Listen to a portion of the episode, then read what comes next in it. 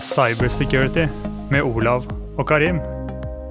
Karim, da er det episode fire. Åssen går det i New York? Ja, det er helt topp. I dag går det bra.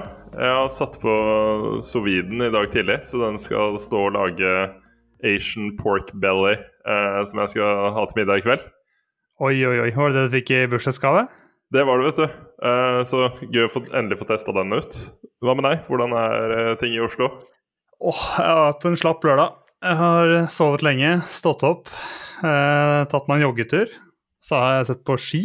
Så har jeg ordna nyhetsbrev, fordi nå har jeg jo fått en del folk som meldte seg på nyhetsbrevet, så er det på tide å prøve å gidde å sende ut noen sånne nyhetsbrev òg. Så jeg ordna litt med det, og nå sitter jeg her på rommet og klar for å spille inn episode fire.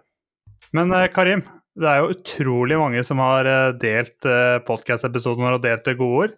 Eh, sjefen min kalte jo cyber security-dugnad. Jeg syns det er et veldig fint ord.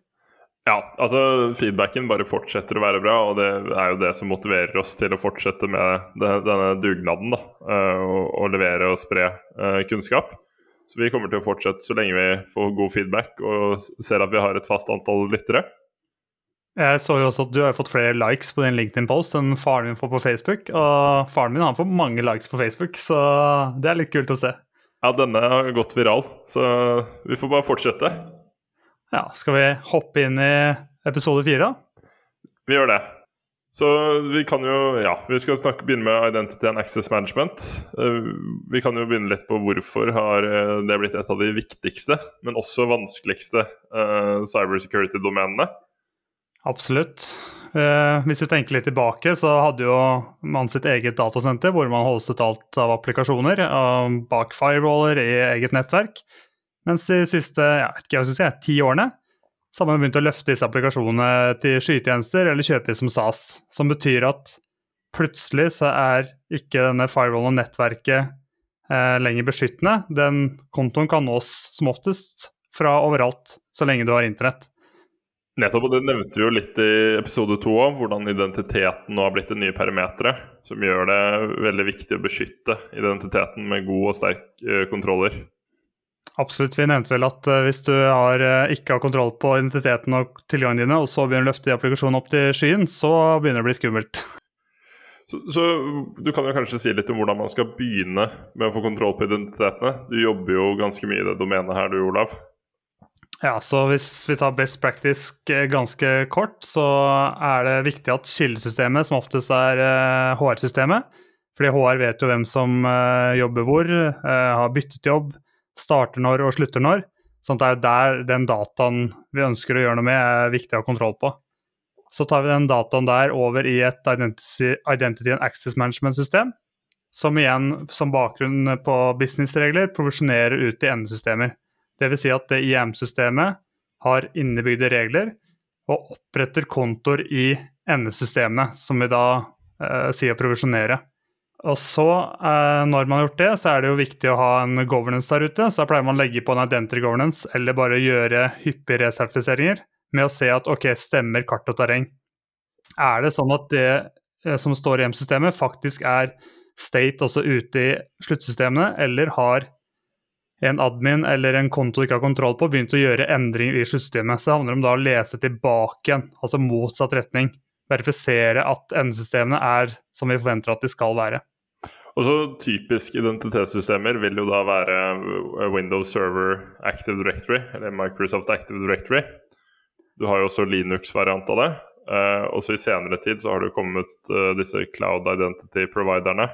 Der har du jo Okta og Asher Active Directory, uh, som er noen av de. Og det vanlige der er at du da synkroniserer denne identiteten fra bedriftens on-premises Active Directory til Asher Active Directory, som er på en måte sky-directory eh, til organisasjonen, eller til Okta, hvis det er det man bruker. Og de har jo sine fordeler og ulemper, eh, avhengig av hva man velger.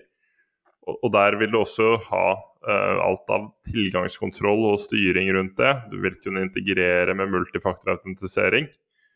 Uh, og, og, det finnes jo flere måter å gjøre multifaktor på. Du kan jo du kan jo kanskje touche litt innom forskjellen på 2FA, og, eller tofaktorautentisering, og det som heter multifaktorautentisering, Olav?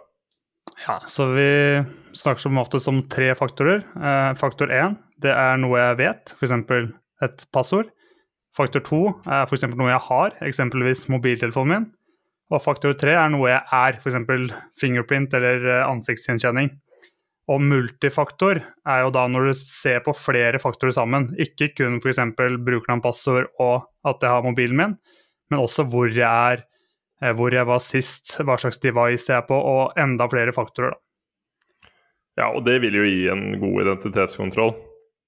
Så når man har på en måte gått gjennom de punktene, så har du jo identiteter. Eh, de stammer fra HR-systemet og går inn til identitetssystemet og provisjoneres eventuelt videre ut til endesystemene. Men så er det jo hva er, grunnen til at vi har disse identitetene? Det, det, går jo litt på at det gir deg tilganger til no, noe. Um, men du vil jo ikke at alle i organisasjonen skal ha tilgang til det samme. Du vil jo f.eks. at bare de på HR skal ha tilgang til HR-data, og de som jobber med servere, kun skal ha tilgang til servere. Og Der kommer vi jo litt inn på dette med least privilege, også ofte kalt principle of least privilege. Og Det er jo et prinsipp som går ut på at du ikke skal ha mer tilgang enn du trenger uh, for å kunne gjøre jobben din. Og det er kanskje det viktigste når det kommer til uh, identiteter, og du har fått kontroll på selve provisjoneringen av de. Riktig. Og det man tenker seg da, er at hvis en angriper skal få tak i kontoen, så skal han jo gjøre minst mulig skade fordi en konto har minst mulig rettigheter. Og Derfor så ser vi på at ok, hva er det du akkurat trenger for å gjøre jobben din? Du skal ikke få noe mer enn det. Og det som man også sklir inn på, er at man sørger for at eh, hvis jeg f.eks. først har jobba på øh, finans, og så på IT og så på HR, så skal mine endringer hele tiden endres. Jeg skal ikke dra meg og opparbeide meg flere og flere tilganger og, som gjør at jeg, min konto til slutt kan være til ekstremt stor skade for selskapet hvis feil hender skulle få tak i den. Ja, for det er jo klassikeren. Du har de som har jobbet i et selskap i så mange år at de har jo tilgang til systemer som hører til alle avdelingene. Den, øh, det er en gjenganger jeg ofte ser. Ja, og det er jo noe som en angriper vil lete etter. Altså finne den kontoen skal gjøre mest mulig skade på kortest mulig tid. Men når vi først har denne ene kontoen som organisasjonen har kontroll på, så er det jo dette med ok, hvordan skal den kontoen kunne brukes i andre systemer, sånn at du ikke må ha en egen konto for hver applikasjon som bedriften har. Og Det er jo der eh, dette med single sign-on kommer inn, hvor du skal unngå å ha en egen brukerdatabase for hver applikasjon. Du har kanskje hørt om f.eks. OpenID Connect eller uh, Sammel. Og det er jo altså, metoder som kan brukes for å få til dette med single sign-on, også kjent som federering. Riktig. Så det man ønsker å gjøre da, er jo at uh, gjøre brukeropplevelsen uh, trygg og enkel. Så jeg logger meg på ett sted med to faktorer og kanskje multifaktor. Og deretter så kommer jeg inn i alle systemer uten å trenge å bevise noe mer. Det som er key da, som du sier, er at da slipper vi å lagre passordet i masse ulike siloer og endesystemer. Sånn at der ute i endesystemene så ligger det ikke mitt passord, det ligger kun informasjon om brukeren min. Og så kommer det token da fra IM-systemet som slipper meg inn i systemet med single sign-on, og det tokenet henter den jo fra IM-systemet som oftest. Og da linkes jo denne tilgangen helt fra HR-systemet inn til bedriftenes hovedsystem og ut i alle andre systemer som man også bruker. Uh, og, HR, altså bare for å si grunnen til at det er en fin start, uh, det er jo det første stedet du ser om du har en ansatt for mye. fordi du, det er jo der lønna kommer fra. Så det er en utrolig fin start, og så får du det videre ut i andre systemer via det. Men så har man jo også Noen ganger så jobber man jo med tredjeparter, og du ønsker jo at den samme identiteten skal brukes med de òg. Og da har du jo Federation eh, som du kan bruke. I det er også kjent som business to business i moderne identitetssystemer. Hvor du kan tillate brukere fra din bedrift å få tilgang til andre bedrifter. Og det er jo faktisk sånn Sammel, eh, altså single sign-on med Sammel, først oppsto. Fordi det var forskjellige universiteter som skulle samarbeide på tvers.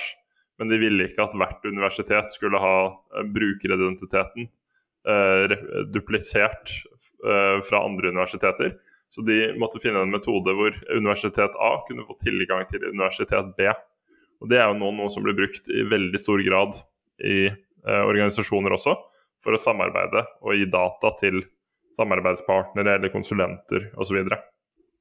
Riktig. Så hvis man ser for seg de tre høyskolene for eksempel, som du snakker om, og så har hver av de la oss si, 1000 ansatte hver, så vil man nå uten single sign-on måtte ha 3000 kontoer på hver høyskole. Og det er jo et mareritt å vedlikeholde.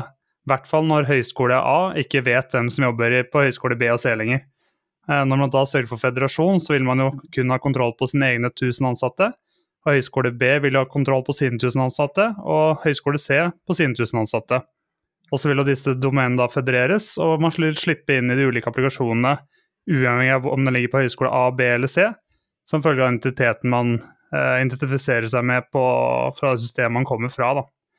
Og Det som blir viktig da, Karim, er at da velger vi jo helt og holdent, egentlig nesten bare lukke øya og si at ok, eh, høyskole B de har kontroll på hva de driver med, her kommer en identitet, vær så god. Ja, og hvordan eh, man da kontrollerer Ok, nå har du jo sluppet inn disse, men uh, du trenger jo å se at uh, Eller stole på at de har kontroll over sitt identitetssystem. Så er du helt sikker på at de f.eks. Følger den samme gode flyten du nå har opparbeidet deg med identiteter fra HR-systemet? Eller kan det hende de har brukere som har slutta hos dem for flere år siden, som fortsatt har tilgang til identiteten, og du tillater uh, de inn i ditt miljø? Og Det er noe man må tenke på. og Derfor er du nødt til å kjøre automatiske rapporter og se på hvem som har tilgang uh, via en federering, og vurdere om den fortsatt trengs. Så typisk kan du f.eks. sende over den rapporten til en tredjepart og be de bekrefte det. Eventuelt gjøre noen stikkprøver. Riktig. Jeg vil jo anbefale å gjøre en sånn self-assessment questionnaire, hvor du sørger for at den at den organisasjonen eller bedriften har en viss form for best practice som gjør at man senker en del av risikoen. Og så ble gjennomført årlig, halvårlig eller kvartalsvis audit avhengig av risikonivået for å sørge for at de har kontroll. Eh, som du sier, gå inn og ta en stikkprøve. Ok, denne ansatte, jobber den fortsatt? Hvis da svaret er nei, fordi du har rangert på sist logget inn på data f.eks., ja, så trengs en liten smekk på hånda. Definitivt. Jeg tenker jo Siste ting jeg vil runde av med før vi hopper over til privileged access management, er jo også når man kjøper systemer, så er man nødt til å tenke seg om og se at de har støtte for single sign-on. Sånn at du slipper å ende opp med systemer eh, hvor du har egne brukerdatabaser. Du ønsker å ha det som et kriterium. Jeg ser jo den evaluerer tredjepartsapplikasjoner i dag, at det er mye mer utbredt nå enn det var for f.eks. fem år siden. Hvor det var kun de største som hadde det. Nå er det nærmest en markedsstandard, men det er fremdeles viktig å bekrefte at uh, alle leverandører støtter dette. Riktig, så på Access-siden så bør de som minimum støtte SAML, OEDC eller VSFED f.eks. Også på identitetssiden så bør de støtte SKIM-standarden. Hvis de ikke støtter noen av de, som dessverre flere applikasjoner fortsatt gjør i dag, ganske mange norskutviklede applikasjoner, ja, så, så er det på tide å ta et løft der ute. For da er du egentlig tvunget til å gjøre en eh, f.eks. filsynk og RSFTP hver natt fra AD eller eh, det hjemsystemet du har, som da oppretter og vedlikeholder brukerne ute. Og det, det, er rett og slett for dårlig i 2021. Ja, ikke ryddig og veldig manuelt. Så sørg for å velge riktige systemer. Og hvis det er noen leverandører som hører på, så bruk det som et konkurransefortrinn. Med det så tenker jeg vi hopper over på privileged access management. Så vi kan jo si litt om hvorfor privileged access management er viktig, eh, kanskje? Ja, jeg tenker at den er jo ganske åpenbar, men alle angripers våte drøm er å få tak i en privilegert konto som kan gjøre mye skade. Eh, få tak i en vanlig brukerkonto gjør ikke så mye skade, og når vi da sier privilegert konto, så for å gjøre det litt enkelt i dag, så mener vi alle kontoer som har mer tilganger enn det en vanlig brukerkonto har. Ja, for alle disse systemene har jo administratorkontoer. Uh, og en angriper går jo gjerne fra å få tak i en vanlig brukerkonto, og så hvis man skal på en måte følge hele uh, fasene til angrepet, så vil jo det neste steget være å få tak i en privilegert konto. Og Derfor er det viktig å, å sørge for at de er beskytta. Du må f.eks. ikke ha et Excel-ark som ligger på et fileshare med passordbeskyttelse, hvor alle servicekontoene er. Og Du er nødt til å identifisere disse um, kontoene. Så for å ta noen eksempler, så er det jo den innebygde administratorkontoen på hver, hver, eh, workstation. Den er du nødt til å ha kontroll på. Du har også domeneadministratorkontoen, som har tilgang til absolutt alt i, et, i hele Active Directory-domenet. Det er kanskje den viktigste kontoen. Hvis du beveger deg over til Ashore Active Directory, så har du jo Global uh, Administrator, Så alle disse kontoene her må man ha en form for strategi for å beskytte og passe på bruken av. Og det er der eh, privileged access management kommer inn. Ja, jeg må bare tilbake til eksempelet med Excel-ark. Men hvis noen der ute nå vet at de har et Excel-ark som er passordbeskytta, med et eller annet passord som alle kan huske og kan for å komme inn på, hvor alle disse passordene ligger, ja, skjerpings. Det er ikke så vanskelig å få tak i en password manager og beskytte dem med tofaktorindusering, og legge inn uh, sterke passord der istedenfor oss. Helt enig, og det er, det er, en veldig god start, for å si det sånn. Um, så finnes det jo ulike løsninger som hjelper deg med dette med privileged eh, access management. Du har f.eks. Eh, løsninger fra CyberArk og Beyond Trust. Og de gjør ganske mye rundt privileged access management. Eh, de kan f.eks. ha ekstra kontroller for å få tilgang til sensitive passord til servicekontor. Og det er også mulig å f.eks. få just in time-tilgang. Sånn at um, du kan f.eks. linke det mot en change ticket. Så når en serveradministrator trenger å gå inn på en server, så må han ha en change ticket. Han må deretter sende en forespørsel til eh, PAM-systemet. PAM-systemet kan du velge om du vil at noen andre i tillegg skal godkjenne. Og når han får den godkjenningen, så vil PAM-systemet provisjonere en midlertidig identitet som lar serveradministratoren utføre jobben.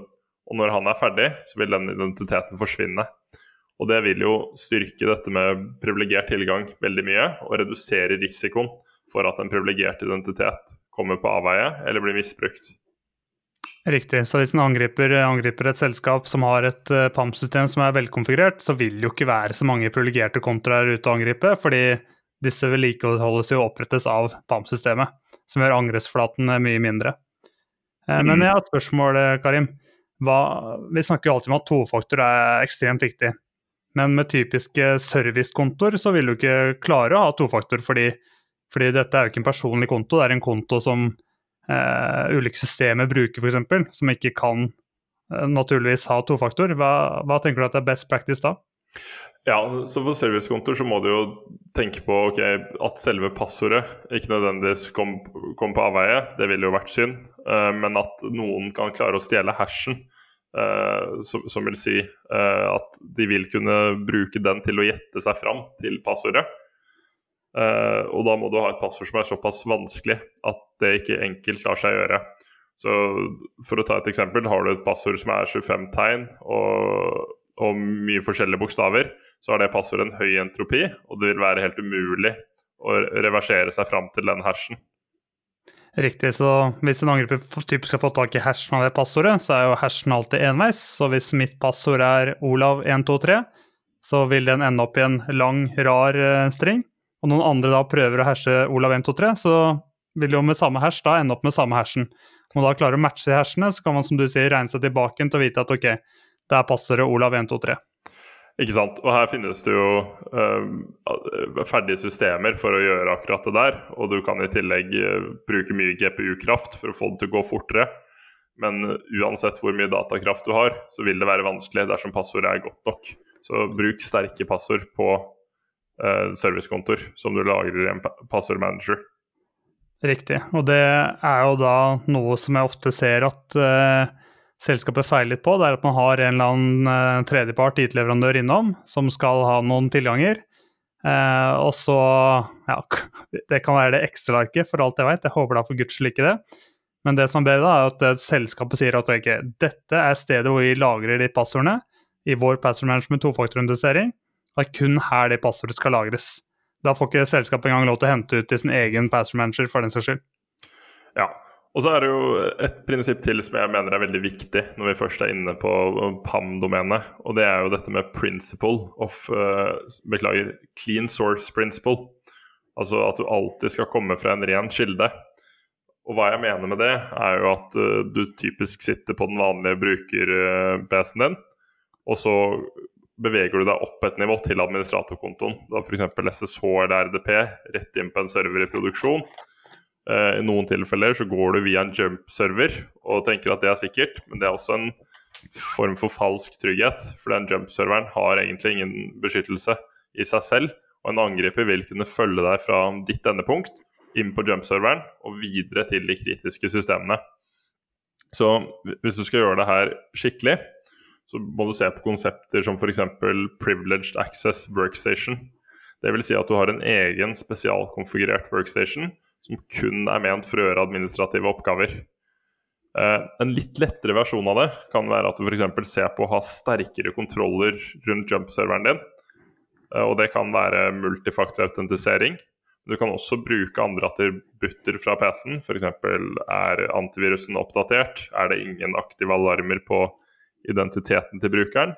Og er det ingen aktive alarmer fra uh, endepunktsagenten, altså EDR, EDR som kjører på laptopen? Og det er jo, Da beveger du deg litt inn mot Zero Trust, som er den modellen Google bruker. Mens Microsoft er veldig opptatt av denne privileged access workstation og clean source principle. Nei, men Da tror jeg vi har egentlig kommet oss gjennom både hjemme og PAM eh, ganske bra, Karim. Yes, Vil du oppsummere litt på dagens sjekkliste, Olav? Ah, dagens sjekkliste, viktigste i hver episode. Da tenker jeg punkt én. Er HR-systemet master? Er på en måte kildesystemet til alle tilganger HR-systemet? Hvis ikke, så vil mitt hode si at du har masse lokale brukerdatabaser som ligger der ute i endesystemene dine, som ikke oppdateres eller vedlikeholdes automatisk på bakgrunn av Eh, data fra HR-systemet. Så jeg tenker at det er sjekk nummer én. Eh, sjekk nummer to, hva tenker du der, Karim? Ja, har selskapet eller organisasjonen du jobber for en IAM-strategi? vil Dvs. Si, altså, har de tenkt på hvordan brukere kommer til live, og hvordan brukere avsluttes når et ansettelsesforhold er over? Har de et identitetssystem som gjør det enkelt å delegere tilganger og se over tilganger? Og kobles viktige systemer til dette miljøet? Har de kontroll på antall brukere uh, og teknisk støtte rundt det? Ja, så En typisk prioritering da er jo ok, hvor mange brukere av systemet, hva slags data ligger i systemet, støtter det systemet SAML, OIDC eller SKIM? Og hvis de gjør det, så er det jo bare å få det på det EM-systemet og få det automatisert så fort som mulig.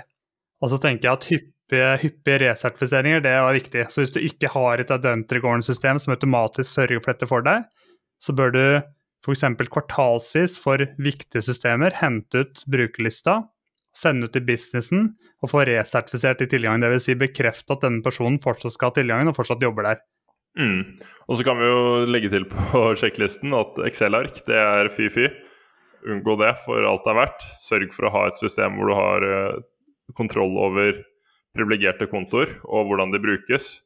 Du får jo også gjerne audit-logging på det når du har et PAM-system. Så du kan se hver gang noen har hentet ut passord, uh, og, du kan ha disse kontrollene som linkes opp mot change management. Neste punkt tenker jeg er få det brukervennlig. Sørg for single sign-on. Gjør det enkelt for brukerne dine å opptre trygt der ute. Ikke, ikke vær det selskapet som gjør at ansatte hver morgen kommer på jobb, må bruke en halvtime på å logge seg på de 20 forskjellige systemene skal innom med 20 ulike passord, med 10 ulike passordpolicyer. og annenhver uke sende inn fem tickets på glemt passord fordi du ikke har noe self-service password reset. Yes, og helt til slutt, bruker du en jump-server uten noen form for ekstra kontroll, så gjør en vurdering på om du kan implementere en zero trust-modell rundt denne jump-serveren, eller om du burde se nærmere på privilege access workstation. Nei, da, da tror jeg vi har en bra sjekkliste, Karim. Så bra. Da er vi i mål. Da er vi i mål, så er det egentlig bare å takke til alle lytterne uke og ønske dere en fin uke. Eh, har du et Excel-ark med passord, så veit du hva du skal starte med på jobb mandag morgen. Yes, og gi oss gjerne feedback på nettsiden vår i kontaktskjema, eller på LinkedIn eller Facebook, eller hvor enn du klarer å finne oss. Ja, og del, eh, del gjerne det glade ord. Hvis du syns dette er bra og du eh, lærer noen av disse episodene, så så har vi satt utrolig stor pris på om du sender den til noen kollegaer, kompiser eller deler det. Vi, altså, vi gjør dette på fritiden vår eh, nå i helgene, så ja, vi har ikke tid til å sitte og markedsføre eller noe, penger til å gjøre det heller, Karim. Vi betaler dette av egen lomme. Nettopp det. Så med det så sier jeg takk for nå, og vi ses neste uke. Ha en fin uke. Hei da.